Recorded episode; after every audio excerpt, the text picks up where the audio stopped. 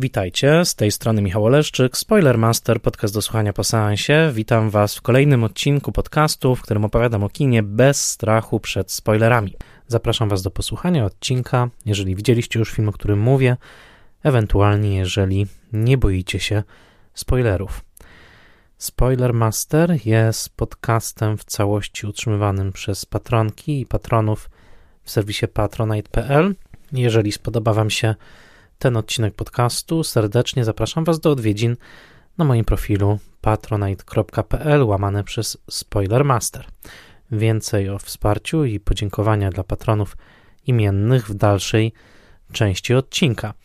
Dzisiejszy odcinek jest częścią cyklu Spoiler Master Classic, w którym przybliżam pozycje klasyczne kina światowego i w odcinku dzisiejszym przybliżę Wam kontekst powstania i znaczenia jednego z najważniejszych filmów w historii kina i zarazem jednego z najważniejszych filmów w historii mojej pasji e, filmowej. W cyklu Spoiler Master Classic mówiłem już o wielu filmach klasycznych, ale mało który zasługuje na to miano tak mocno jak 2001 Odyseja Kosmiczna. Film, który miał premierę w roku 1968, wyreżyserowany przez Stanleya Kubricka, doczekał się miana najwybitniejszego filmu science fiction wszechczasów, a dla wielu pozostaje w ogóle jednym z najwybitniejszych dokonań kina światowego. W dzisiejszym odcinku opowiem więcej o tym, jak Stanley Kubrick wpadł na pomysł zrealizowania przysłowiowego, dobrego filmu science fiction, jak sam się wyraził w bardzo wczesnej fazie projektu. Przede wszystkim natomiast opowiem o niebywałej historii produkcji tego filmu, która rozciągnęła się aż na 4 lata, i także o znaczeniach tego filmu i o tym, co może nam on mówić w roku 2022. Nagrywam ten odcinek na przełomie kwietnia i maja roku 2022 właśnie, innymi słowy 21 lat po tytułowym roku 2001. Zdecydowałem się na nagranie tego odcinka oczywiście dlatego, że uwielbiam ten film i jest on jednym z najważniejszych tytułów mojego filmowego życia, ale także ze względu na ważną rocznicę. Mianowicie film ten oglądałem po raz pierwszy w kwietniu roku 1995, dokładnie 27 kwietnia na antenie telewizyjnej dwójki w cyklu 100 na 100, czyli 100 filmów na stulecie kina, który to seans, o czym opowiadałem Wam w odcinku poświęconym moim najlepszym seansom, został przerwany przez dostawę prądu w Tarnowskich Górach, w domu, w którym zresztą nagrywam teraz ten odcinek, w domu moim e, rodzinnym, w domu moich rodziców. To był dosyć traumatyczny seans, bo tak jak film mnie zachwycił, tak ta przerwa w dostawie prądu mnie straumatyzowała i minęło kilka miesięcy, zanim namierzyłem kogoś, kto tego dnia nagrywał film w innym regionie, że tak powiem, i zdołał nagrać go do końca, i dopiero wówczas go do końca obejrzałem. Natomiast zwróciła moją uwagę pewna e, chronologiczna symetria, a mianowicie w momencie tamtym, w którym oglądałem ów film, miał on 27 lat. Innymi słowy, 27 lat dzieliło mnie w roku 95 dzieliło nas wszystkich, e, którzy już byliśmy obecni na Ziemi w roku 95 od roku 1968, czyli od premiery filmu. W tym roku, w 2022, nagle zdałem sobie sprawę z tego, że minęło kolejnych 27 lat. Innymi słowy, dokładnie tyle samo czasu dzieli mnie w tym momencie od tamtego pamiętnego seansu telewizyjnego 2001 e, Odysei Kosmicznej, seansu, który dla mnie zmienił bardzo dużo, bo na pewno był to jeden z tych seansów, który zadecydował w ogóle, że zająłem się kinem mm, na poważnie, e, że znowu minęło 27 lat. Innymi słowy, e, pomyślałem sobie, że być może to jest właśnie dobry moment, żeby do tego filmu wrócić, żeby zgłębić historię jego powstania i żeby o nim opowiedzieć, albowiem tyle samo czasu, ile upłynęło od jego realizacji do mojego pierwszego zetknięcia z nim, właśnie upływa znowu e, w tym roku. E, I pomijam oczywiście zadziwienie nad tym, jak czas szybko leci, bo ono już jest oczywiste i zbanalizowane, ale pomyślałem, że to będzie dokładnie najlepszy moment, żeby do tego filmu e, powrócić. Innymi słowy, dokonując szybkiej matematyki, film obecnie liczy sobie 54 lata. Dokładnie skończył tyle w kwietniu roku 2022. O ile większości twórców tego filmu już z nami nie ma, o tyle wciąż jeszcze są z nami aktorzy główni, to znaczy Keir Duella i Gary Lockwood, e, którzy wcielili się w rolę Dawida e, Bowmana i Franka Pula, czyli obudzonych i ludzkich członków załogi statku Discovery w części trzeciej filmu, mm, a także Dan Richter, który wcielił się w e, postać Moonwatchera, czyli pierwotnego człowieka w części pierwszej filmu, tego, który dokonuje pewnej ważnej konstatacji i odkrycia, bawiąc się kością martwej zebry. Keir Duella i Gary Lockwood liczą sobie już obecnie 80 5 lat są starsi, przeżyli zarówno Artura C. Clarka, e, autora powieści czy tekstu nowelistycznego, jaki legł u podstaw 2001, a także oczywiście Stanleya Kubricka, który z tej kluczowej dla filmu grupy nie dożył jako jedyny roku 2001. Zmarł w marcu roku 1900.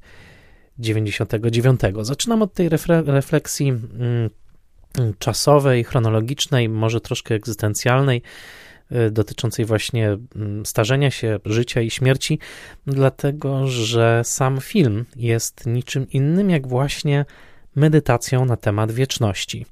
2001 Odyseja Kosmiczna ma rok wpisany już w tytuł.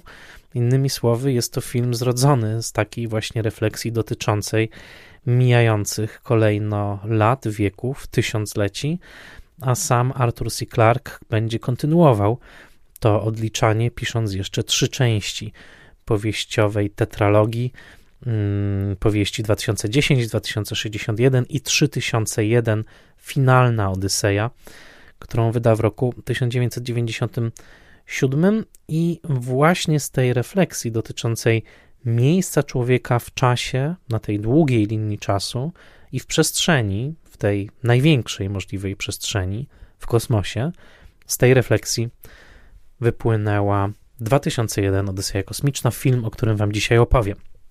Jak zawsze, w przygotowaniu do odcinka bezcenne były dla mnie materiały i pozycje książkowe, które pozwoliły mi na poznanie kontekstu, którym obecnie z Wami się podzielę. Ta bibliografia w tym odcinku wygląda następująco. Najwięcej informacji e, zdobyłem czytając książkę Michaela Bensona pod tytułem Space Odyssey Stanley Kubrick, Arthur C. Clarke and the Making of a Masterpiece. To książka z roku 2018, definitywna Biblia, jeżeli chodzi o historię powstania tego filmu i owoc ogromnej pracy wieloletniej autora. Ponadto korzystałem z książki Artura C. Clarka 2001 Odyseja Kosmiczna w przekładzie Jędrzeja Polaka i z fragmentów dalszych części tej tetralogii, także w tłumaczeniu Jędrzeja Polaka, to znaczy książki 2010-2061 w jego tłumaczeniu i 3001 Odyseja Kosmiczna w przekładzie Radosława Kota. Korzystałem także z wcześniejszej powieści Artura C. Clarka Koniec dzieciństwa w przykładzie Zbigniewa Królickiego, z książki nieprzetłumaczonej na polski, także Arthur C. Clarke The Lost Worlds of 2001, w której opisuje on możliwe i niewykorzystane tropy, jakie eksplorowali z Kubrickiem w trakcie pracy scenariuszowej. Także polecam serdecznie tekst, najdłuższy polski tekst i najbardziej rzetelny na temat powstania 2001, to znaczy długi esej Michała Hacińskiego z roku 2001, ni mniej, ni więcej, pod tytułem Jak Kubrick stworzył ekranowy mit. On, ten tekst został opublikowany w magazynie Essencja e, jest dostępny online. Korzystałem także z książki Piotra Kletowskiego, filmowa Odyseja Stanleya Kubricka, która wbrew, wbrew tytułowi nie poświęca tak wiele miejsca Odysei, ale jest całościową rozprawą o filozofii Kubricka i o jego filmach.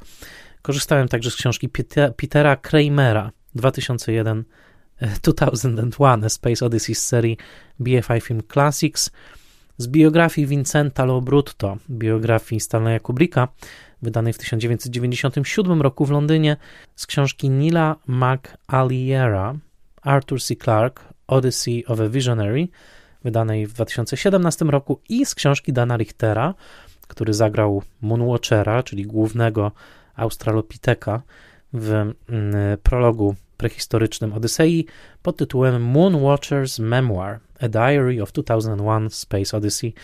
Wznowienie tej książki wyszło w Nowym Jorku w 2021 roku.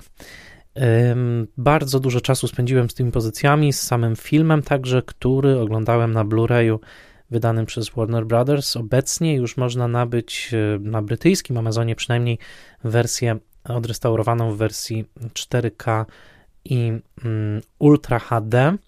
Kto z Was ma sprzęt do odtwarzania takich cudów? Ja jeszcze nie mam, ale jeżeli macie, to serdecznie oczywiście polecam. Najważniejsze jednak jest to, że nie jesteśmy już skazani na e, emisje telewizyjne i na to, że właśnie prąd może w pewnym momencie wysiąść, tylko możemy oglądać film Kubricka w pięknej, szerokoekranowej wersji oddającej sprawiedliwość zdjęciom Jeffrey'a Answortha i efektom specjalnym przygotowanym przez całą dużą ekipę zebraną przez Kubricka. Dodam także, że w momencie nagrywania tego odcinka film 2001 jest także dostępny na platformie HBO Max. A zatem pora rozpocząć tę opowieść, którą podzieliłem na rozdziały. Pierwszym rozdziałem jest pomysł i scenariusz, drugim rozdziałem jest produkcja, trzecim rozdziałem jest premiera i czwartym rozdziałem jest znaczenie. Zacznijmy zatem od pomysłu i scenariusza. Spotykamy Stanleya Kubricka w roku 1964.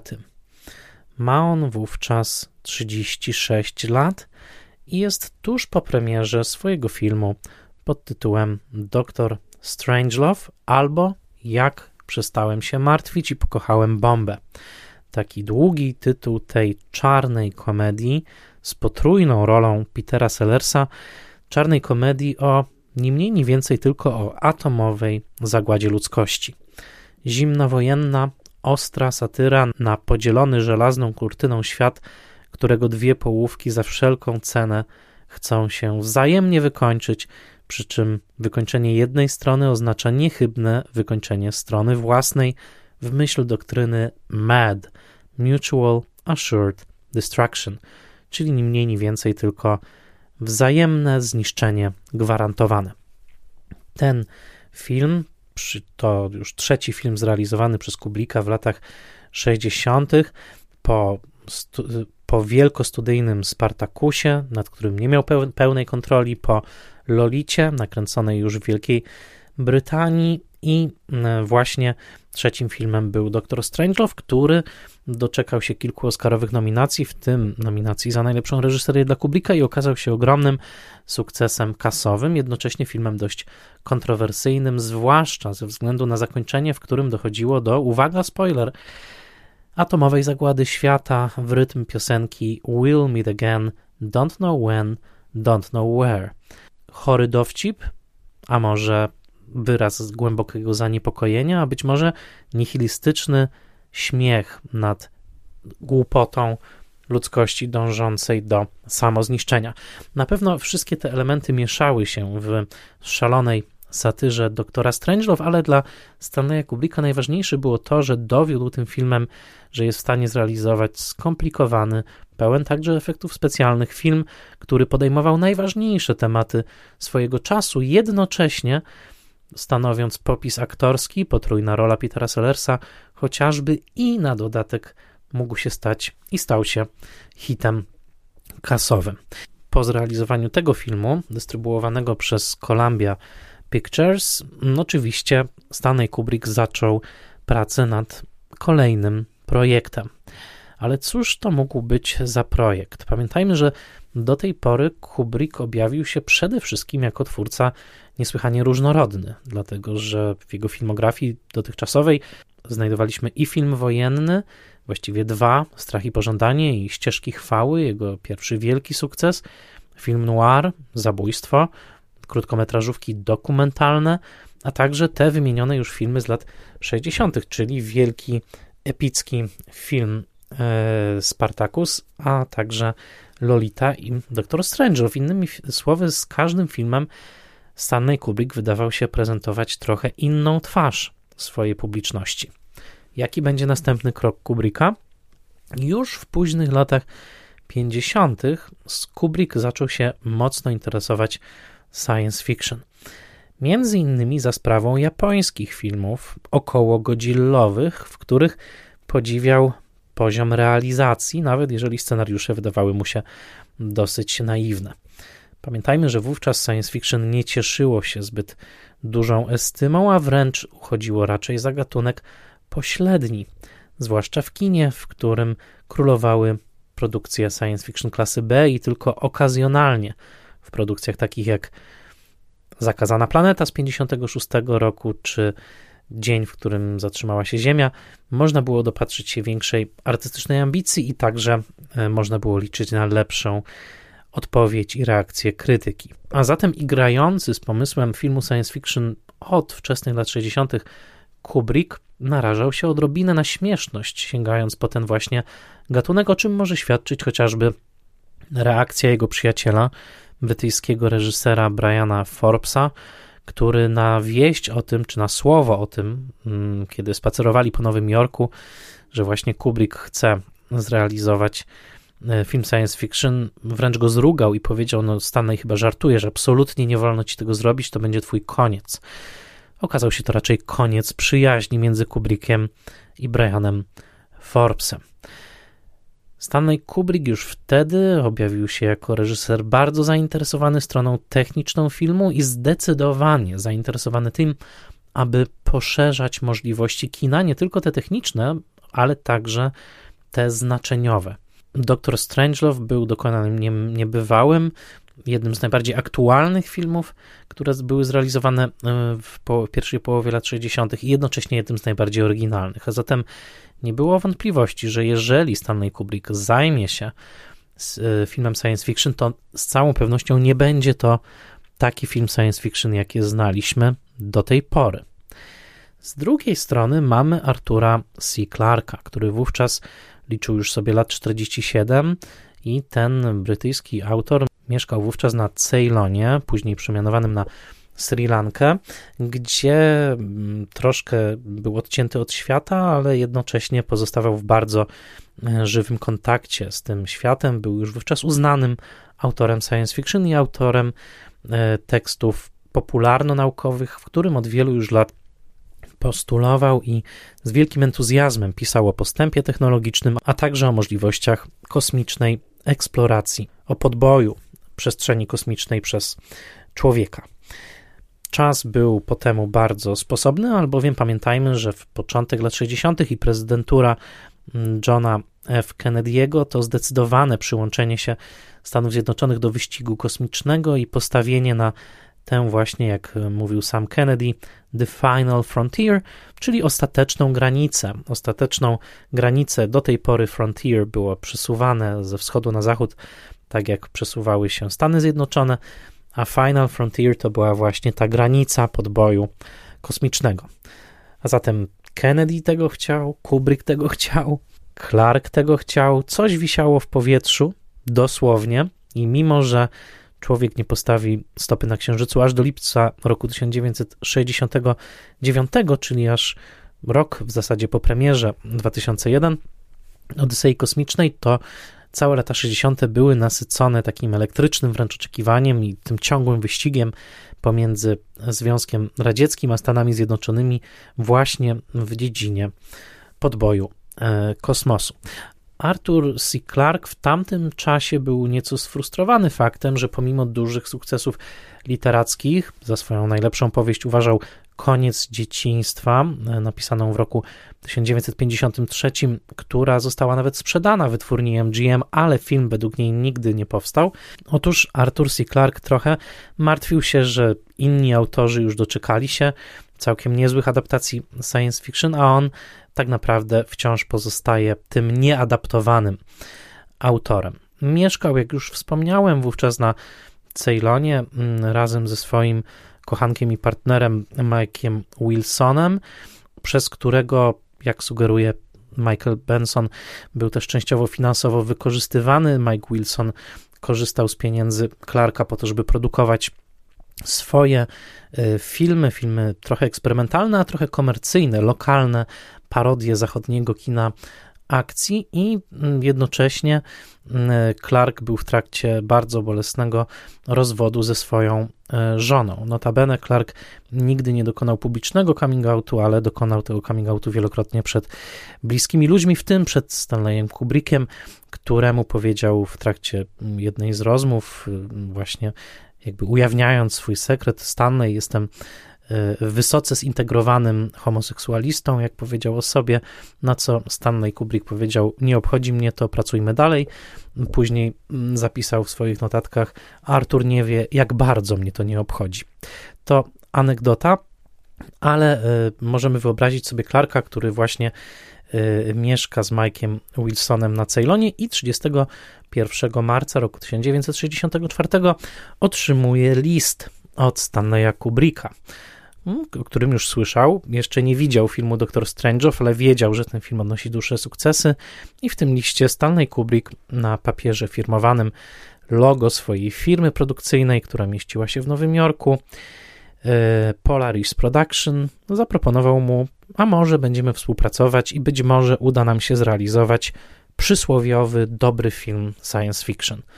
Ta fraza, the proverbial good science fiction film, przeszła do historii kina, albowiem była bardzo skromną jaskółką bardzo gigantycznego filmowego projektu. Arthur C. Clarke odpowiedział bardzo uprzejmie i entuzjastycznie jednocześnie Kubrickowi, że owszem, bardzo chciałby z nim pracować, że co prawda parę dobrych filmów już science fiction było, wymienił między innymi właśnie film Zakazana Planeta, ale jednocześnie oczywiście widział tutaj pole do ulepszenia. Panowie postanowili się spotkać i rzeczywiście spotkali się w Nowym Jorku.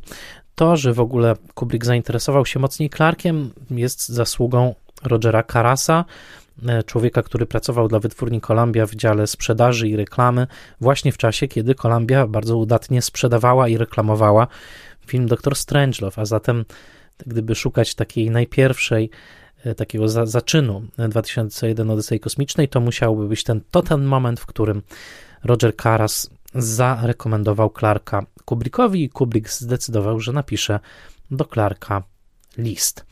Zanim jeszcze Clark spotkał się z Kubrickiem w Nowym Jorku, zanim panowie w ogóle zaczęli współpracę i rozmowę, Clark był tak podniecony tą perspektywą, że oto Kubrick, no chyba najgorętsze nazwisko reżyserskie tamtego czasu, będzie realizował jego wizję, że zaczął już pisać krótkie opowiadanie science fiction, które mogłoby stać się podstawą późniejszego filmu. Pierwsze zdania zapisane przez Clarka jeszcze przed spotkaniem z Kubrickiem, jeszcze na maszynie do pisania na Ceylonie, brzmiały tak. Cytuję za książką Michaela Bensona w moim tłumaczeniu. Otwarcie. Niebo pełne gwiazd. Czarny dysk powoli dryfuje w kadr z lewej strony, aż w końcu wypełnia centrum ekranu, zaćmiewając gwiazdy. Prawa krawędź dysku zaczyna świecić, wyłania się za niego słońce. Zdajemy sobie sprawę, że patrzymy na nocną stronę księżyca i lecimy niczym satelita w stronę jego oświetlonej strony. Pokryty kraterami sierp rośnie aż do półksiężyca. Na ścieżce dźwiękowej zaczynają rozbrzmiewać głosy Amerykanie, Rosjanie, Brytyjczycy, rozmaite bazy księżycowe i grupki badawcze rozmawiają, proszą o materiały, wymieniają informacje, żartują, narzekają. Tak zaczęła się ta wielka przygoda. To są pierwsze słowa zapisane przez Clarka, ale przygoda okazała się być o wiele dłuższa niż to początkowo planowano. Warto wspomnieć, że Clark wchodził do projektu Kubricka oczywiście z całym zapleczem swojej wcześniejszej myśli dotyczącej tego, czym jest eksploracja kosmiczna, ale także czym jest sama ludzkość i w jaki sposób możemy myśleć o rozwoju ludzkości, a przede wszystkim dziedzina futurologii o przyszłości ludzkości. To samo dotyczy Kubricka, który wchodził ze swoim zestawem przekonań. Obydwaj panowie byli z przekonania ateistami. To bardzo istotny element światopoglądu, albowiem dla obydwu 2001 Odyseja Kosmiczna będzie próbą stworzenia nowego świeckiego mitu, mitu, który da nowemu, właśnie nowoczesnemu, pozbawionemu złudzenia religii człowiekowi rodzaj transcendencji, rodzaj mitologii, w którą będzie mógł wierzyć i która będzie mogła go prowadzić dalej. W powieści Koniec dzieciństwa, tej z 1953, widzimy ludzi, którzy konfrontują się z pewną inną rasą bytów, którzy wieki temu pojawili się na Ziemi pod postacią bardzo przypominającą diabły z mitologii chrześcijańskiej i którzy okazują się posłańcami e, wyższej inteligencji. Wyższej inteligencji, która tutaj nazywa się nadumysłem. I pod koniec tej książki to istotne, bo element tej filozofii przedostanie się do 2001. Czytamy już po spotkaniu ludzi właśnie z tymi bytami wyższymi, po tym jak te byty zasugerowały, że sprawują pewien rodzaj opieki nad powoli ewoluującą ludzkością, czytamy tak: Mimo wszystkich osiągnięć, rozmyślał Karelen, pomimo panowania w materialnym wszechświecie, jego lud pozostanie zaledwie plemieniem, które cały swój byt wiedzie na płaskiej, pylistej równinie. Daleko za nią były góry, w których mieszkało piękno i moc, gdzie grom przetaczał się nad lodowcami, a powietrze było ostre i czyste. Tam wciąż jeszcze lśniło słońce, zdobiące szczyty splendorem, podczas gdy niziny tonęły już w mroku, a oni mogli tylko patrzeć i podziwiać. Nigdy nie osiągnął tych wyżyn. A jednak Karelen wiedział również, że będą trwać aż do końca i nie złorzecząc losowi, przyjmą cokolwiek im przyniesie. Będą służyć nadumysłowi, ponieważ nie mają wyboru, lecz nawet w tej służbie pozostaną sobą. Jest to taka wizja ukorzenia się człowieka przed bytem wyższym, ale nie przed bytem boskim, przed bytem teologicznym, religijnym, tylko właśnie przed bytem ewolucyjnie wyższym. To bardzo ważne, albowiem 2001 Odyseja Kosmiczna jako taka będzie właśnie filmem w swojej najgłębszej warstwie o sensie ewolucji. Zaczynamy w końcu w filmie od, no właśnie, człowieka pierwotnego, który dopiero uczy się wykorzystywać narzędzia, a kończymy na gwiezdnym dziecku, które sugeruje właśnie otwarcie się ludzkości na jakiś nowy rodzaj egzystowania, nowy, wyższy rodzaj bytu. Tutaj warto się o tyle zatrzymać, że to przekonanie Clarka, Kubricka o tym, że jesteśmy częścią takiej właśnie ewolucji i jesteśmy u progu jakiegoś ewolucyjnego przełomu, który sprawi, że już za dłuższy czy krótszy czas przejdziemy na ten właśnie wyższy, e, wyższy poziom. Otóż ten element jest także mocno zakorzeniony w myśli konkretnego myśliciela, który dla Artura C. Clarka był bardzo ważny, a mianowicie w myśli Konstantina Ciałkowskiego. I chcę podkreślić tą postać, albowiem ten rosyjski y, uczony, pionier kosmonautyki, ale także z korzeniami polskimi, napisał esej w roku 1912, esej, który Clark znał bardzo dobrze, w którym padało zdanie: Ziemia jest kolebką umysłu, ale ludzkość nie może na zawsze pozostać w swej kolebce. W zasadzie to zdanie streszcza 2001 Odyseję Kosmiczną, a zatem powtórzę je. Ziemia jest kolebką umysłu, ale ludzkość nie może na zawsze pozostać w swej kolebce. To zdanie pojawia się w jednym z opowiadań Clarka i, jak powtórzę, streszcza Odyseję Kosmiczną jest jej najgłębszym sensem filozoficznym. Konstantin Ciałkowski był synem polskiego urzędnika e, i to jest e, dosyć ciekawe. Żył na przełomie XIX i XX wieku, umarł w roku 1935 e, i w jego żyłach płynęła krew rosyjska, polska i tatarska i ukraińska.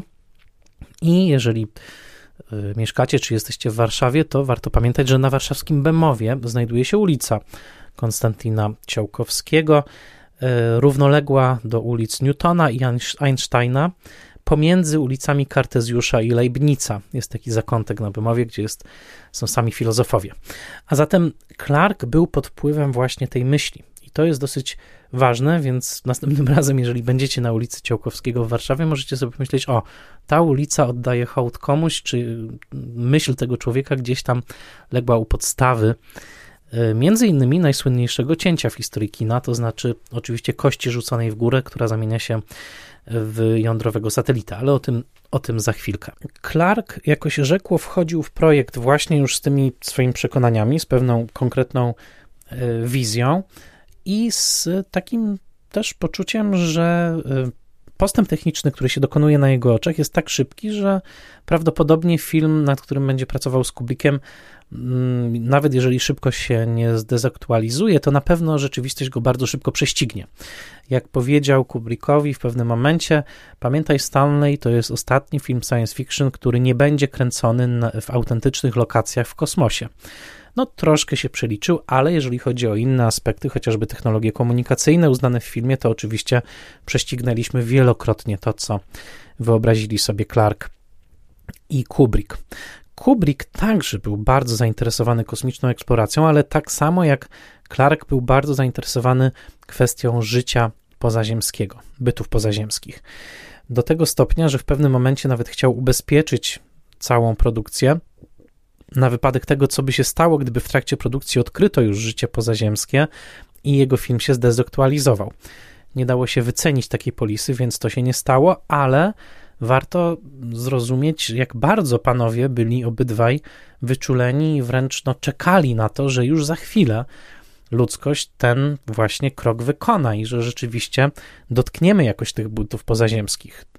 Kubrick i Clark obydwaj w to bardzo mocno wierzyli i nawet kiedy już spotkali się w Nowym Jorku, któregoś wieczora w trakcie ich współpracy dostrzegli pewną łunę świetlną, która przez moment wydawała im się właśnie być UFO.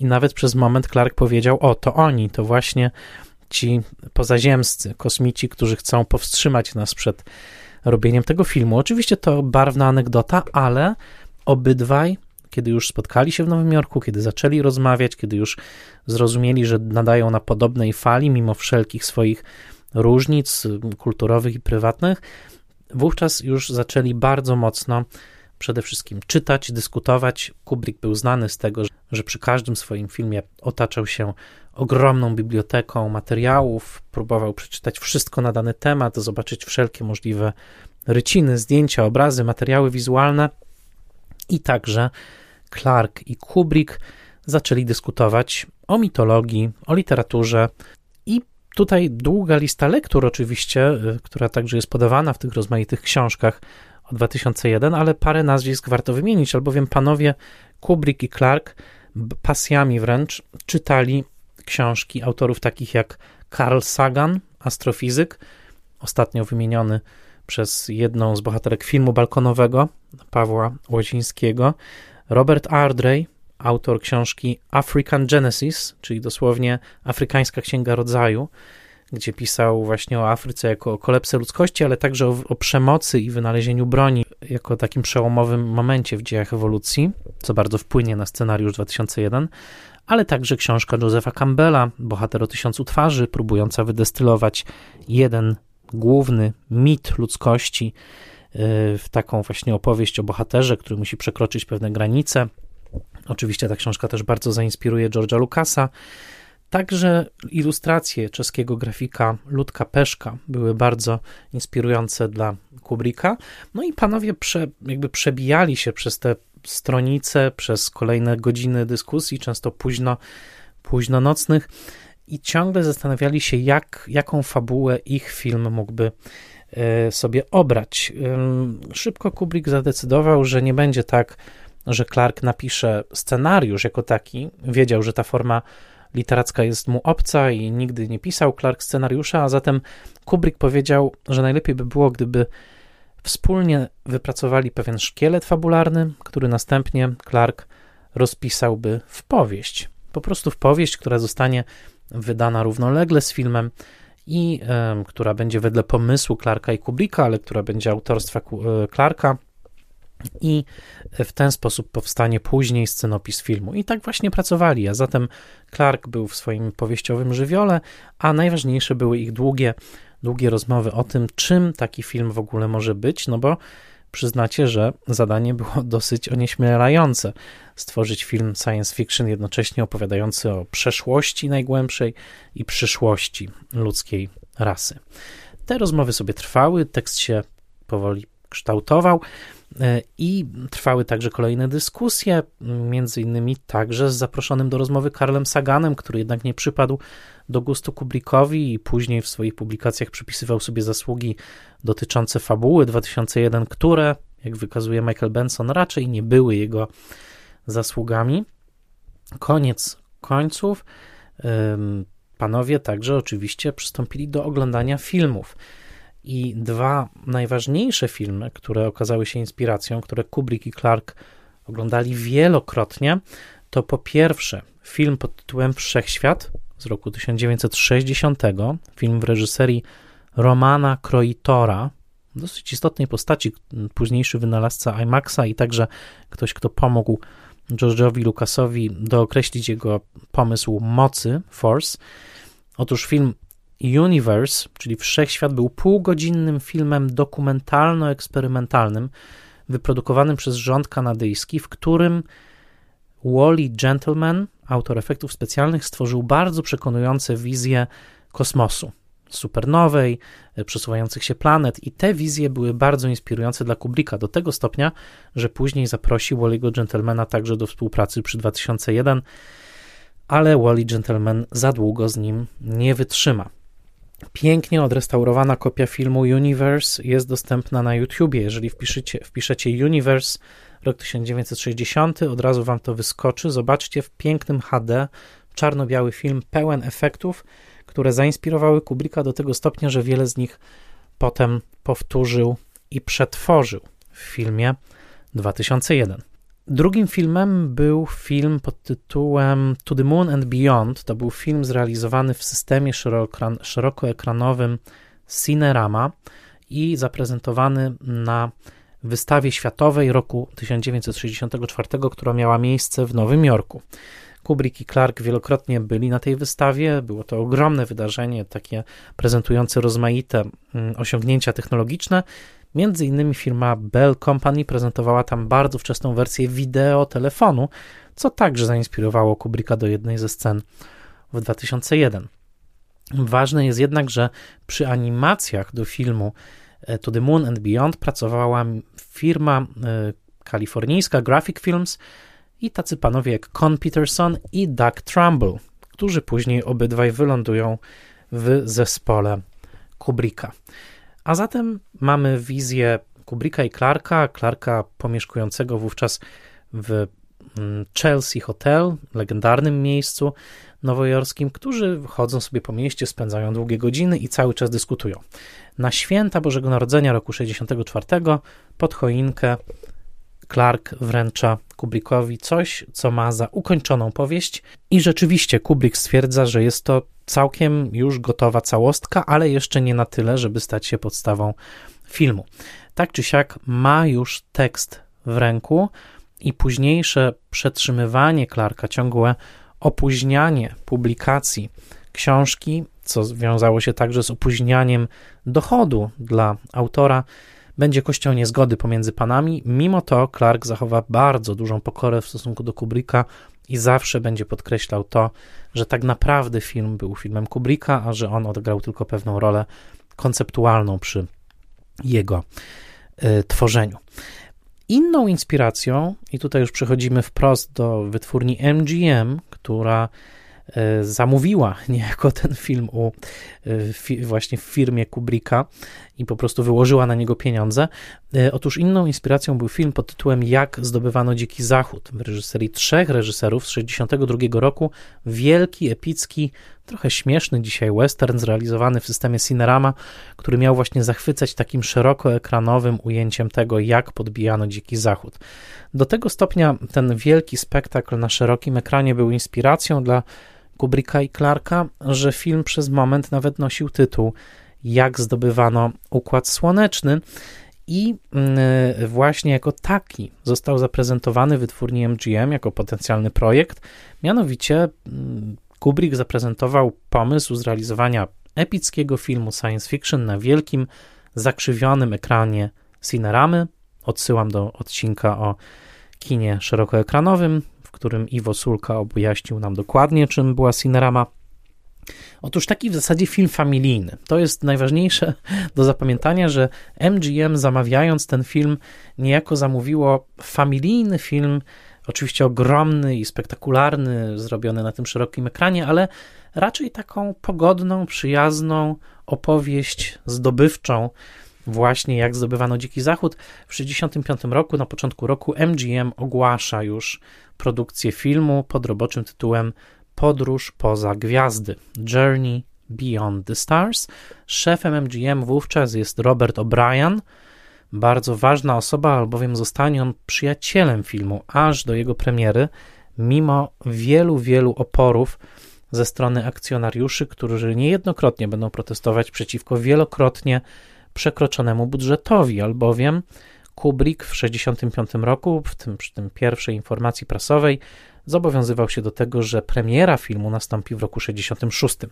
Jak wiemy, nastąpiła w 68 i te ciągłe opóźnienia i ciągle rosnący budżet był przez O'Briana nie tylko cierpliwie znoszony, ale także dziarsko broniony przed akcjonariuszami MGM-u, którzy mówili zaraz, zaraz.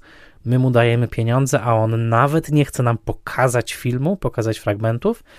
No, oczywiście Kubrick miał obsesję kontroli nad każdym szczegółem i tutaj ogromna rola O'Briana właśnie w tym, że obronił ten proces przed akcjonariuszami e, i rzeczywiście doczekał się hitu, albowiem 2001 okaże się najlepiej zarabiającym filmem roku 68, ale to jeszcze nie jest ten punkt w naszej historii. Możemy przejść do rozdziału drugiego, to znaczy do produkcji filmu. Film miał całą serię tytułów. Jak zdobywano Układ Słoneczny, Podróż poza gwiazdy, ale także Earth Escape, The Stargate, Jupiter Window, Farewell to Earth, koniec końców 2001 Odyseja Kosmiczna. W pierwszych wersjach umowy nie wymieniano jeszcze Kubricka jako reżysera, mówiono o ewentualnych reżyserach.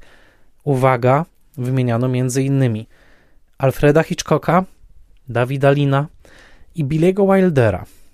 Pozostawiam waszej wyobraźni, jak wyglądałby ten film w reżyserii każdego z nich.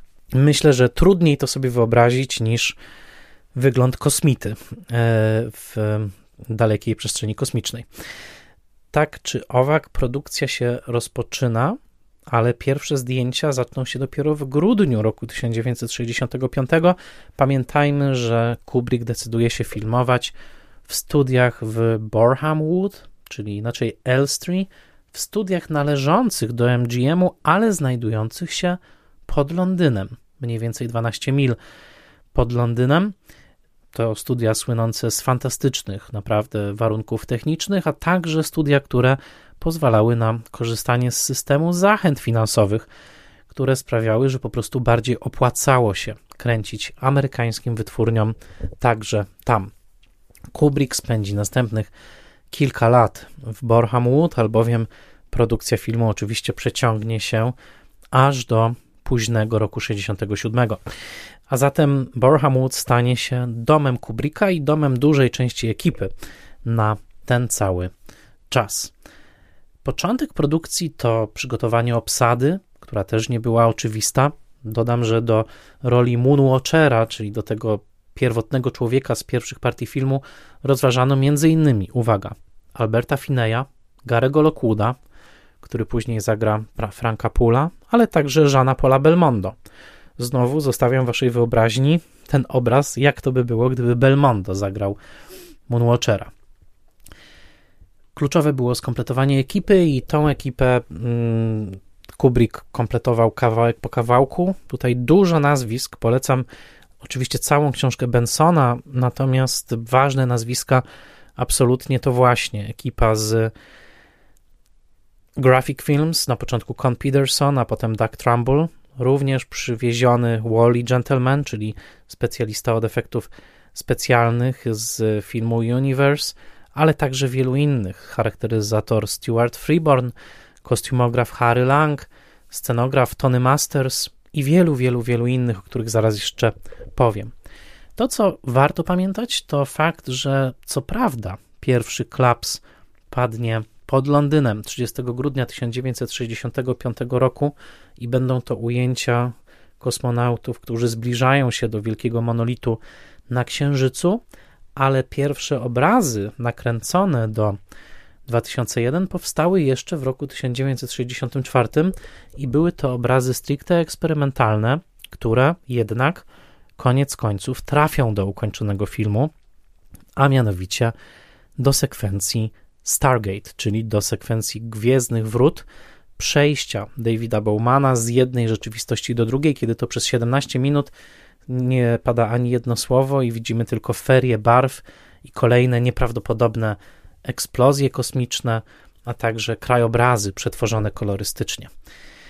Otóż te właśnie eksplozje kolorystyczne, supernowy, były pierwszym materiałem nakręconym w ogóle do tego filmu i zrealizował je sam Kubrick. Otóż, zainspirowany technikami Wally'ego Gentlemana, wynajął halę produkcyjną, halę fabryczną w Nowym Jorku. Była to dawna fabryka biustonoszy i bielizny, w której ułożył całą serię rynien, które wypełnił rozpuszczalnikami, rozmaitymi odczynnikami chemicznymi, które następnie zderzał, oczywiście w bardzo małych proporcjach, w proporcjach kropli spuszczanej z wykałaczki, z farbami, olejami i innymi e, substancjami. I to właśnie zderzenia tych substancji, farb, rozpuszczalników, brał tam, grał tam dużą rolę tak zwany olej bananowy, czyli octan izoamylu, substancja, rozpuszczalnik bardzo dobrze znany amerykańskiej armii. Podobno wszystko tam strasznie śmierdziało. Było to filmowane w ogromnych zbliżeniach, ale właśnie te kropelki farby, oleju, rozpuszczalnika zderzające się ze sobą w ogromnych zbliżeniach, to są te ujęcia, które później widzimy jako piękne supernowy w sekwencji Stargate, a zatem pamiętajcie, oglądając te fragmenty, że jesteśmy tak naprawdę w byłej fabryce biustonoszy na Manhattanie i to były pierwsze zdjęcia nakręcone do, e, do 2001. Ale faktyczne zdjęcia aktorskie po raz pierwszy rzeczywiście zaczęły być kręcone w Boreham Wood i e, Kubrick trzymał kamerę w wielu momentach, e, na co także nie mógłby sobie pozwolić w Stanach Zjednoczonych ze względu na bardzo ścisłe prawa dotyczące związków zawodowych. Kubrick jako fotograf, pamiętamy, że już w wieku 20 lat mm, fotografował dla pisma Look. E, otóż e, Kubrick bardzo lubił przechwytywać kamerę i e, te ujęcia kosmonautów zbliżających się do tajemniczego monolitu to były właśnie pierwsze ujęcia zrealizowane na potrzeby 2001. Zanim przejdę do dalszej historii powstawania 2001, chcę podkreślić i zaznaczyć, że dostępność tego odcinka w wolnym, szerokim dostępie jest częścią misji Spoilermastera. Tą misją jest propagowanie i popularyzacja wysokojakościowej wiedzy o kinie. Fakt, że ten długi i naładowany informacjami odcinek jest w sieci dostępny za darmo, jest faktem możliwym tylko i wyłącznie dzięki wsparciu moich patronek i patronów w serwisie patronite.pl. W przeciwnym razie nie mógłbym sobie pozwolić na produkcję tych odcinków. Serdecznie im za to dziękuję. w tym miejscu i dziękuję zwłaszcza moim patronkom i patronom imiennym. Festiwalowi Mediów Człowiek w Zagrożeniu w Łodzi, Michałowi Hudolińskiemu ze strony Gotam w deszczu, Dianie Dąbrowskiej z Akademii Włoskiego Kina, Agnieszce Egeman, Odiemu Hendersonowi, Beacie Hołowni, Annie Jóźwiak, Bartłomiejowi Kłosiewiczowi, Tomaszowi Kopoczyńskiemu, Władimirowi Panfiołowowi, Mateuszowi Stępniowi, Weronice Więsyk, Jackowi Wiśniewskiemu, blogowi Przygody Scenarzysty prezentującemu analizy scenariuszowe i portalowi Outfilm oferującemu szeroki wybór filmów o tematyce LGBT+. A teraz wracamy już do opowieści o produkcji 2001 Odysei Kosmicznej. Jesteśmy w Boreham Wood pod Londynem i Kubrick dowodzi swoją armią. Oczywiście był znany z tego, że bardzo szczegółowo przykładał się do każdego detalu i ćwiczył swoją ekipę niesłychanie surowo. Innymi słowy, jeżeli coś mu się nie podobało, mówił często, że chce absolutnie, żeby wykonać to od nowa.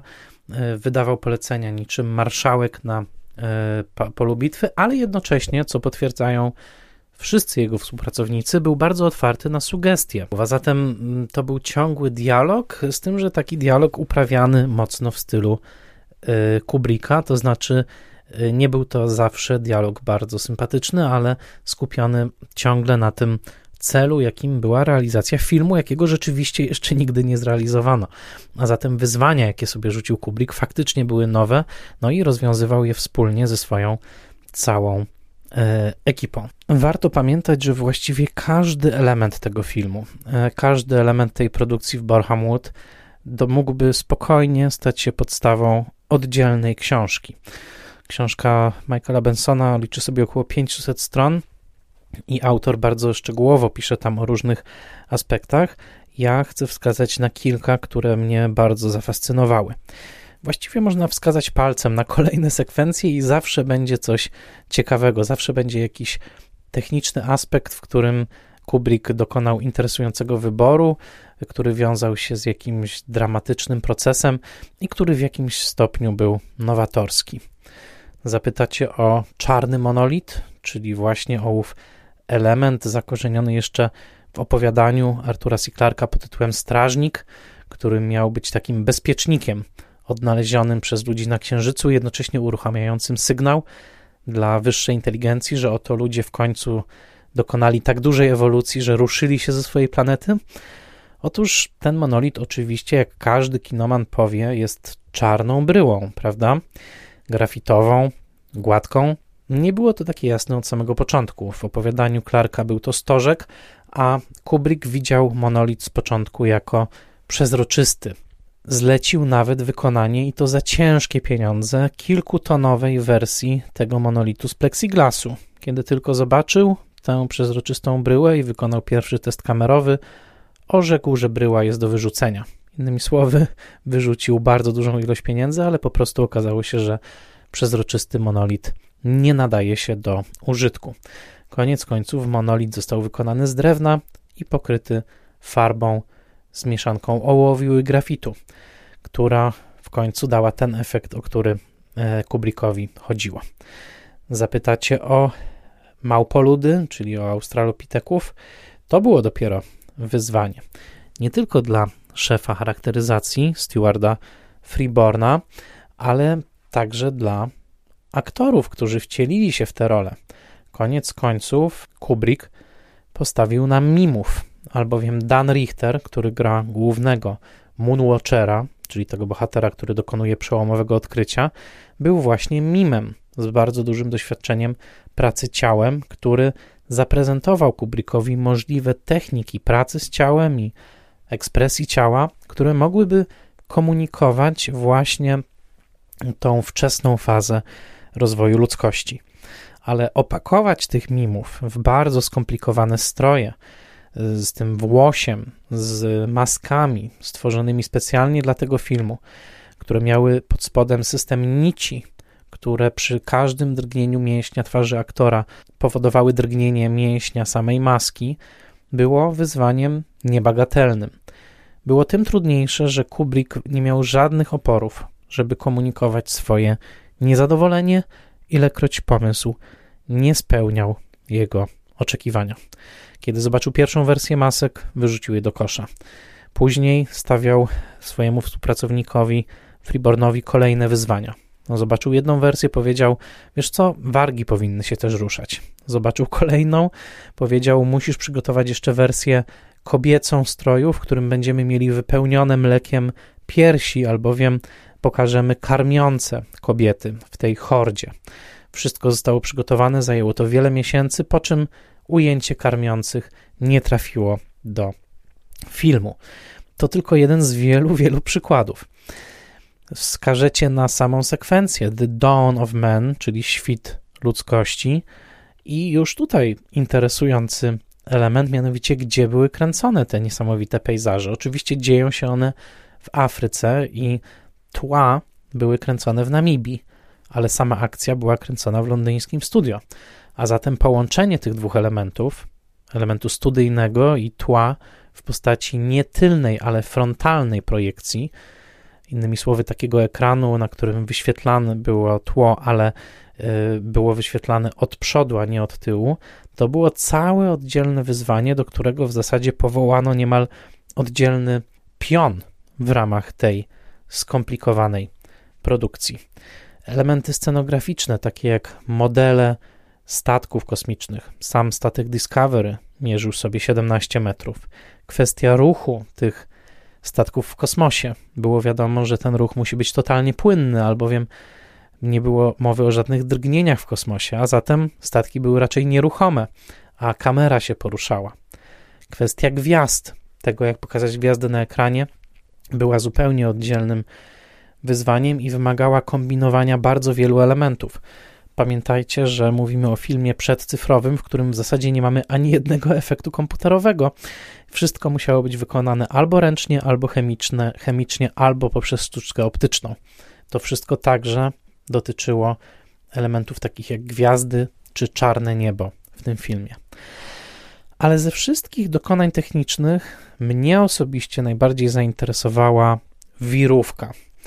Wirówka to znaczy najbardziej interesujący, najbardziej skomplikowany element scenograficzny całego filmu, który muszę powiedzieć, że nie tylko w rycinach zawartych w różnych miejscach w internecie, ale po prostu w samym pomyśle wydaje mi się wciąż niebywałym inżynierskim dokonaniem.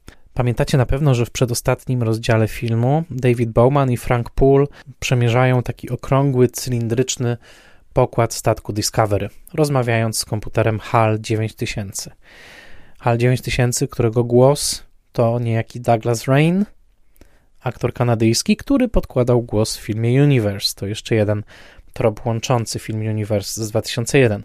Otóż te niesamowite sceny, kiedy bohaterowie biegają i chodzą właśnie po tym cylindrycznym pokładzie, były zrealizowane w przedziwnej scenografii. Wyobraźcie sobie dwie łupinki orzecha włoskiego złożone w całość, ustawione szparą pionowo, trochę jak koło do roweru, i wtedy zrozumiecie, jak była zrobiona ta scenografia, którą można było rozsuwać, właśnie jak dwie połówki orzecha, ale która także obracała się, tak jak koło od roweru zamontowane w wielkim studio. Ten element scenograficzny został specjalnie zbudowany dla tego filmu przez firmę Vickers Armstrong, która robiła Spitfire'y dla Royal Air Force w trakcie II wojny światowej i było to niebywałe dokonanie inżynierskie, tak żeby ta cała scenografia mogła się obracać, a zwróćcie uwagę, jak tam jest dużo szczegółów. Przecież David Bowman i Frank Poole chociażby mijają bardzo wiele ekranów komputerowych, które migają dziesiątkami animacji, filmików, e, pokazują jakieś ruszające się wykresy. To było wszystko przed komputerami osobistymi, to było przed Applem. Tak? Nie było możliwości po prostu umieszczenia tam ekranów komputerowych. Każdy z tych ekraników, na którym widzicie te animacje i różne cyfry migające, to był projektor. Projektor filmowy z taśmą filmową załadowaną z animacją stworzoną przez Daga Trambala. Wszystkie te projektory przytwierdzone na stałe do tych wszystkich ekraników musiały być tak mocno przytwierdzone, że przy obrocie o 360 stopni całej tej wirówki nic się nie mogło stać, tak? Nie mogły wypaść, nie mogły się przewrócić. Taśma filmowa cały czas się musiała kręcić.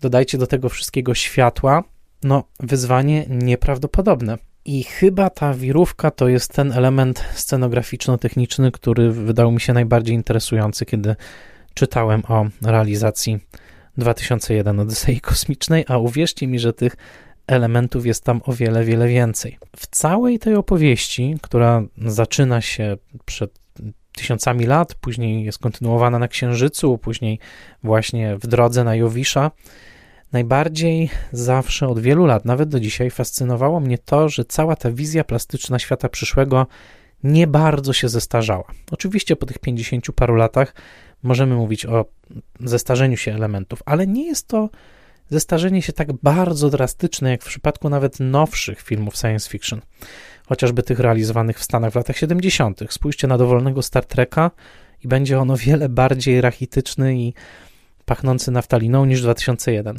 Długo mnie to zastanawiało i książki, które czytałem, przygotowując się do tego odcinka, dały mi odpowiedź. Mianowicie, Kubrick dobrze wiedział i dobrze wiedział, że należy się obawiać tego właśnie, że projektowanie i wygląd przedmiotów zawartych w tym filmie może się szybko zestarzeć. To dlatego nawiązał rozległą współpracę, dzisiaj powiedzielibyśmy product placementową, z kluczowymi firmami inżynierskimi i designerskimi, które zaprojektowały przedmioty dla jego filmu. Z taką właśnie myślą i z takim okiem już skierowanym na trendy projektowania światowego.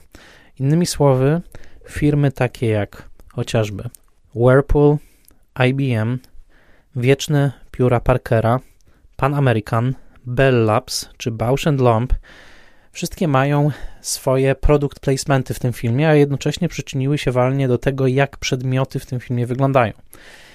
Kiedy spojrzycie na iPady, bo nie wiem jak inaczej to nazwać, te takie prostokątne ekraniki, na których Frank Poole i David Bowman oglądają wiadomości BBC, to jest to naprawdę niesamowite, że w 1968 roku przewidzieli, jak mniej więcej będzie wyglądał ekran właśnie iPada, tak, czyli takiego tabletu po prostu, który dzisiaj jest dla nas absolutnie czymś codziennym. Michael Benson zauważa, że geniusze, którzy pracowali z Kubrickiem, jednocześnie przewidzieli, że trzeba wymyślić specjalny efekt oświetleniowy, którego wówczas w roku 68 przecież nigdzie nie było w rzeczywistości.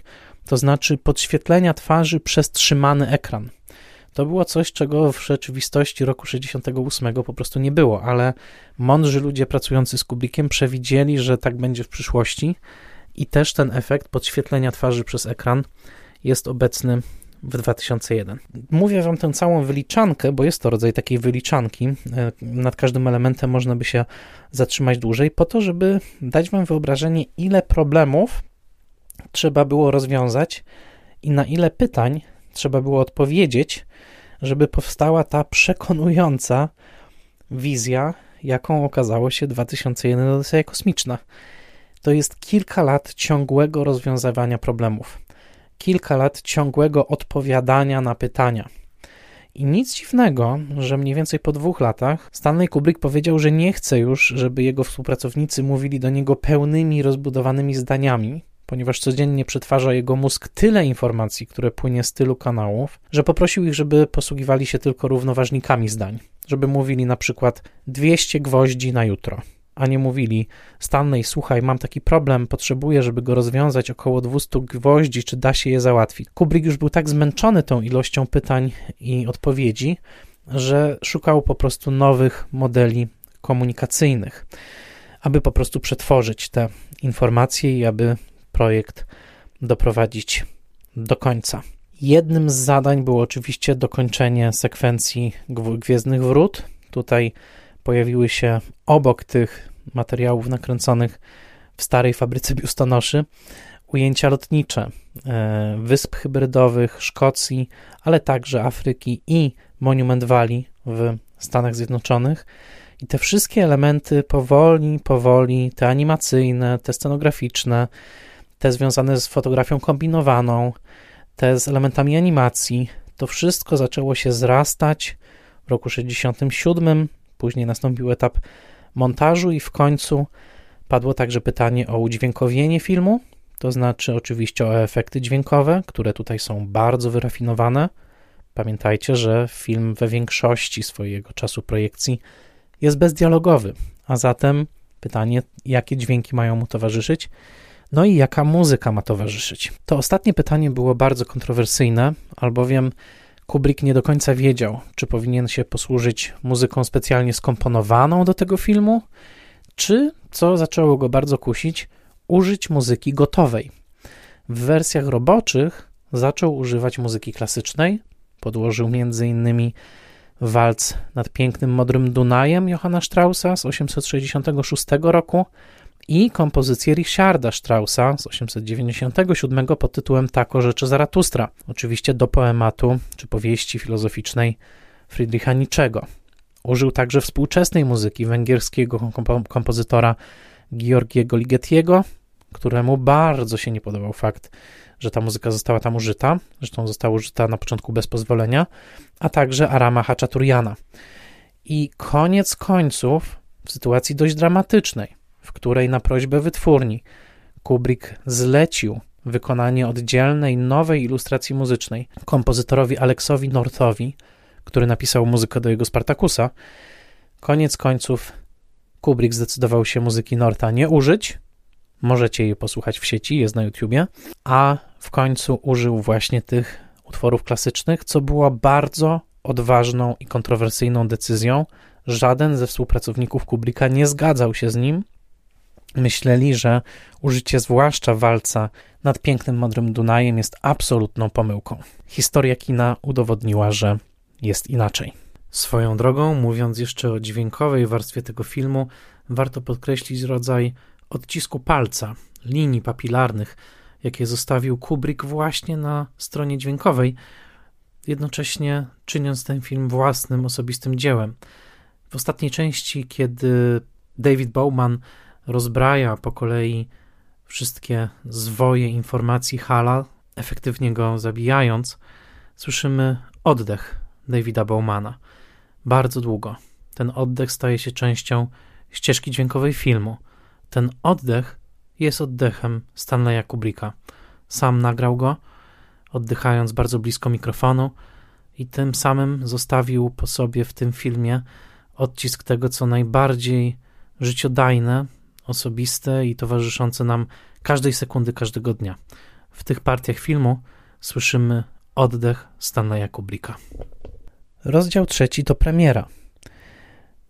Te poszczególne elementy przy ogromnym wycieńczeniu Kubricka i przy tym gigantycznym wysiłku produkcyjnym, wyobraźcie sobie, że pracujecie przy jakimś filmie dwa lata i pracujecie przy takim wytężeniu, jak e, ekipa Kubricka. Przecież Kubrick pracował nad filmem w sumie 4 lata. Kiedy to wszystko się zrosło, kiedy film został zmontowany, montażystą był Roy Lovejoy, w końcu nadszedł moment premiery. Kubrick był bardzo nerwowy. Nie wiadomo było, jak ten film zostanie przyjęty. I na początku został przyjęty dosyć źle, zwłaszcza przez krytykę, która była dosyć bezlitosna w stosunku do tego filmu, twierdząc, że góra urodziła mysz, że tak naprawdę film jest oczywiście bardzo technicznie, robi ogromne wrażenie techniczne, ale że pod względem myślowym jest jednak rozczarowaniem. Niezbadane są wyroki krytyki. Moby Dick, powieść Hermana Melvilla też została bardzo źle przyjęta. Teraz jest uważana za arcydzieło i trochę było tak z tym filmem, który rzeczywiście wyprzedził swój czas i nawet tak wybitni krytycy jak Pauline Kael pomylili się w jego ocenie. Mitem jest, jakoby film na początku przynosił straty i dopiero po paru miesiącach odkryli go hipisi, którzy zażywając LSD oglądali go jako rodzaj psychodelicznego doświadczenia. Rozstańmy się z tym mitem, albowiem źródła go nie potwierdzają.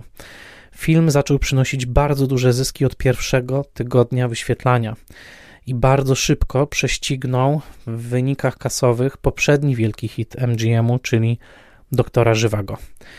To nie było tak, że ten film na początku przynosił wielkie straty, a potem paru hipisów zaczęło zażywać kwas i oglądać ten film i mówić, jak bardzo fajną przygodę i podróż przeżywają przy nim. Oczywiście ważne było to, że MGM wsłuchane w rynek dostrzegło rzeczywiście, że ten film bardziej podoba się młodym i kontrkulturowo nastawionym widzom niż starszym i odpowiednio dostosowali swoją kampanię reklamową, nadając filmowi hasło The Ultimate Trip, czyli naj, najlepsza narkotyczna podróż. Ale nie było tak, że film przynosił straty. Od początku, od pierwszego dnia wyświetlania był dużym, popularnym sukcesem. Na początku wyświetlano go tylko w kinach Cineramy, później już na normalnych ekranach, także w wersji 35 mm. Jakkolwiek sama premiera i w Waszyngtonie, i Nowym Jorku była porażką, albowiem ta elita kulturalna, zwłaszcza starszych ludzi i ludzi w średnim wieku, która trochę życzyła e, Kubrickowi porażki, zobaczyła na ekranie coś, co potwierdzało ich marzenia. Odczuwali rodzaj Schadenfreude i Kubrick przemontował film, wyciął 20 minut, dodał m.in. tytuły rozdziałów, które dzisiaj nam się wydają niezbywalną częścią tego filmu, na szczęście chyba je dodał, i usunął trochę elementów, co chyba wyszło filmowi na dobre. Film w pierwszej wersji trwał 161 minut, obecnie trwa 142. Ale ważne jest właśnie to, że film bardzo szybko znalazł swoją publiczność i był najlepiej zarabiającym filmem roku 1968. Doczekał się także wielu widzów kultowych, oddanych mu. Nie tak dawno na Netflixie pojawił się film Richarda Linklatera Apollo 10,5 Kosmiczne Dzieciństwo, gdzie widzimy, jak właśnie taki mały chłopiec Linklater E, czy jego odpowiednik filmowy, zakochuje się w 2001, prawda? Że to jest ten film, który sprawia, że on wręcz chce zostać filmowcem. Takich widzów było więcej. Steven Spielberg, George Lucas, wielu z nich mówiło o tym, że to właśnie ten film udowodnił im ponad wszelką wątpliwość, że kino wciąż może być wielką, wizjonerską sztuką. A zatem, kiedy mówimy o premierze 2001, możemy mówić o bardzo nieprzyjemnych dwóch wieczorach w Waszyngtonie i Nowym Jorku, o dosyć nieprzyjemnej konfrontacji także z decydentami w MGM, ale bardzo szybko, bardzo szybko, wręcz następnego dnia okazało się, że film po prostu dobrze się sprzedaje, a w Nowym Jorku kolejki ustawiały się tak, że wręcz zakręcały e, w przecznicę. A zatem był to sukces. Sukces, który zaowocował Oscarem tylko jednym dla Stanleya Kubricka za efekty specjalne, Fakt, że Kubrick wpisał siebie jako głównego twórcy efektów, bardzo nie spodobał się jego współpracownikom, notabene, a zwłaszcza Dagowi Trambulowi, który później będzie się o to z reżyserem wykłócał, pogodzi się dopiero z nim przed jego e, śmiercią. Stanley Kubrick zresztą nie był obecny na gali rozdania Oscarów, ale fakt faktem jest to jedyny Oscar, jaki przypadł w udziale filmowi 2001 Odyseja kosmiczna. I teraz pora na rozdział ostatni, czyli na znaczenie. Jakie jest znaczenie Odysei Kosmicznej 2001? No jedno jest wpisane w sam tytuł i to podwójnie. Po pierwsze jest to film na nowe czasy, film na nowy wiek, film na nowe tysiąclecie. Film, który ma wektor skierowany w przyszłość. Zabawnie brzmi to w roku 2022, ale taka była intencja. A jednocześnie jest to film, którego wektor jest wyraźnie skierowany ku wieczności. Odyseja, czyli jeden z najważniejszych mitów kultury zachodniej. Mamy dwie strzałki. Jedna wskazuje w przyszłość 2001, druga wskazuje w przeszłość mitu greckiego, czyli właśnie mitu Odyseusza. Zwróćcie uwagę, że David Bowman, w jego nazwisko jest wpisany łuk, a zatem jest łucznikiem, takim właśnie jak e, grecki wojownik. Jest to zatem próba stworzenia mitu, mitu, u którego podstaw leży wizja świata dwóch ateistycznych autorów. To bardzo istotne, jest to próba stworzenia mitu świeckiego, który jednak skonstruuje rodzaj transcendencji oparty na wierze w ewolucję. Ewolucję taką, której punktem dojścia nie jest nasza obecna forma, tylko forma wyobrażona, forma lepszego człowieczeństwa, zakorzeniona także w pismach niczego i stąd tak orzecze Zaratustra. Do dzisiaj najlepiej oglądającą się częścią tego filmu jest część trzecia, czyli wyprawa na Jowisza i konfrontacja Davida Bowmana i Franka Pula z Halem 9000.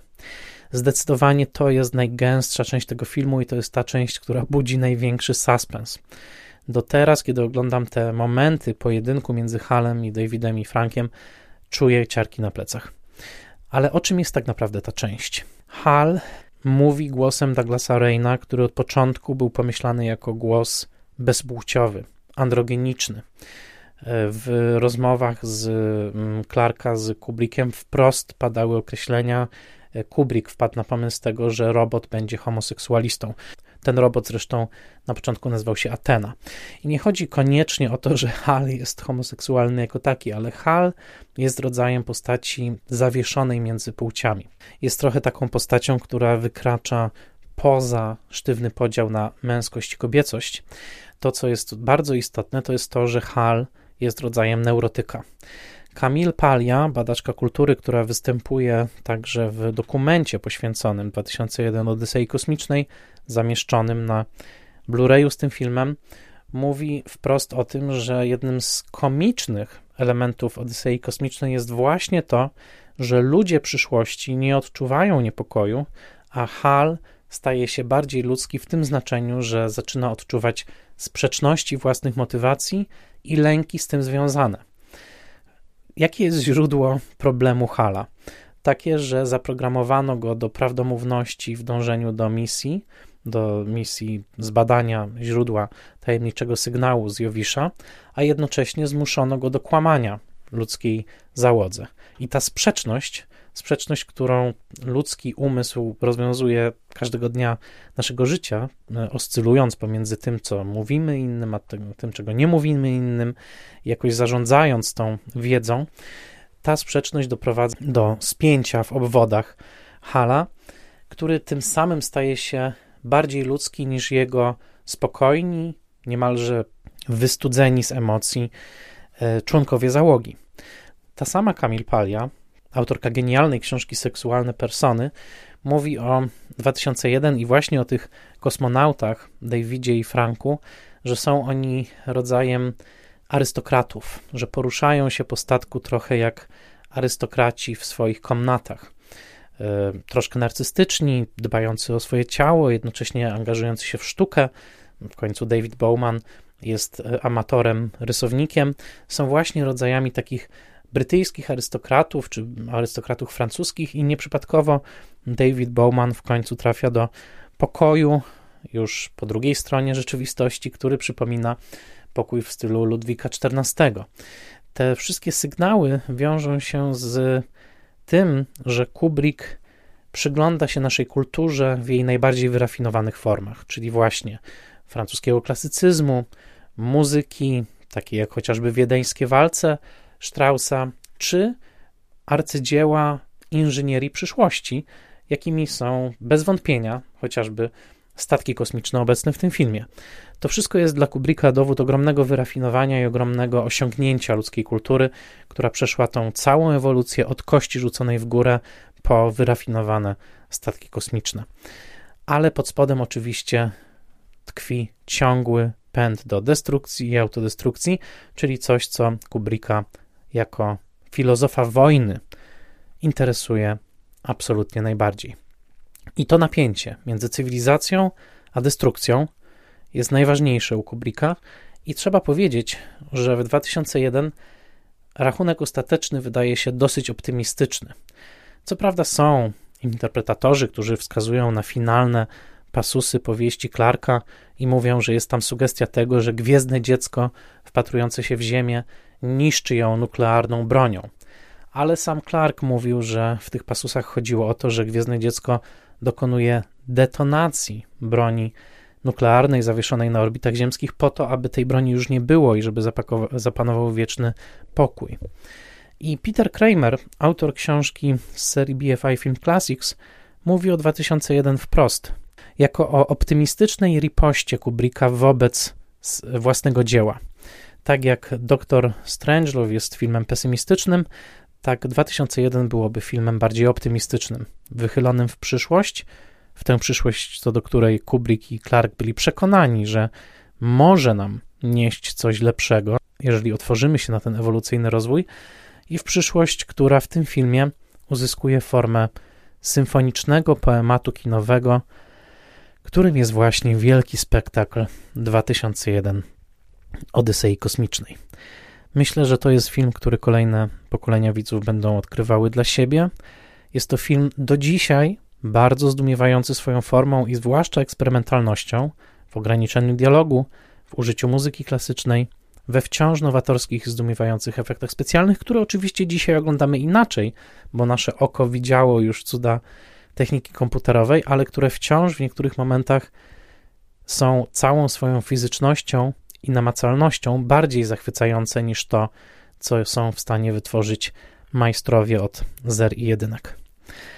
A zatem docierając powoli do końca tej długiej opowieści, pamiętajmy, że nie tylko ten film funkcjonuje w popkulturze jako takiej, bo doczekał się bardzo wielu trawestacji, a niektóre jego elementy wręcz się zleksykalizowały. Kiedy tylko słyszymy Straussa, czy jednego, czy drugiego, od razu myślimy o 2001. Ale jest to film, który wyznacza wysoką poprzeczkę twórcy, który zapragnął stworzyć filmowy mit. W XX wieku mamy paru takich mitotwórców. Bardziej religijnie nastawionego Tolkiena, który dostrzega transcendencję i gdzieś pod całą swoją wizją widzi alegorię opiekuńczego Boga. Mamy także C.S. Lewisa, który stworzył swoją troszkę mniej skomplikowaną mitologię w Narni, a po drugiej stronie mamy właśnie wielkiego mitotwórcę ateistycznego, jakim był Kubrick, bo nie ma co się oszukiwać, że ten film wyrasta z jakiegokolwiek innego podglebia niż właśnie myślenie bardzo, bardzo antyteologiczne. Jest to myślenie naukowe, myślenie ewolucyjne, myślenie quasi-niczeańskie właśnie, ale doprowadzone tutaj do absolutnej perfekcji i w takiej zadumie nad czym jest natura i kultura, jest to wciąż jeden z najgłębszych filmów, którego nie da się zignorować i trzeba się z nim przynajmniej pokłócić, ale zanim zaczniemy się z nim kłócić, film rozbraja nas strategią zachwytu, ponieważ jest nadal zachwycającym audiowizualnym dziełem, którego historię powstania i znaczenia chciałem Wam przybliżyć w tej skrótowej, a jakże formie, odcinku Spoilermastera. Mam nadzieję, że ta opowieść o 2001 Odysei Kosmicznej Wam się spodobała. Jeżeli podoba Wam się ta treść, bardzo zachęcam do wsparcia mojej misji Spoilermasterowej. Dziękuję patronkom i patronom, dzięki którym wysłuchaliście tego odcinka w wolnym dostępie. To oni są producentami Spoilermastera. Jeżeli chcecie wesprzeć moją działalność, bardzo serdecznie zapraszam Was na patronite.pl łamane przez Spoilermaster. Z każdym progiem wsparcia łączą się bonusy, takie jak obszerny newsletter cotygodniowy czy webinary na żywo, organizowane comiesięcznie, w trakcie którego rozmawiamy o filmach e, online. Serdecznie Wam dziękuję. To było niesamowite spotkanie i cieszę się, że mogłem nagrać ten odcinek właśnie w domu rodziców, w którym oglądałem ten film w kwietniu 95 roku. Wiem, że na pewno będę do niego okresowo wracał, bo jest to po prostu jeden z najważniejszych filmów mojego życia. Dziękuję Wam za słuchanie. Zapraszam na kolejny odcinek Spoilermastera już bardzo niedługo.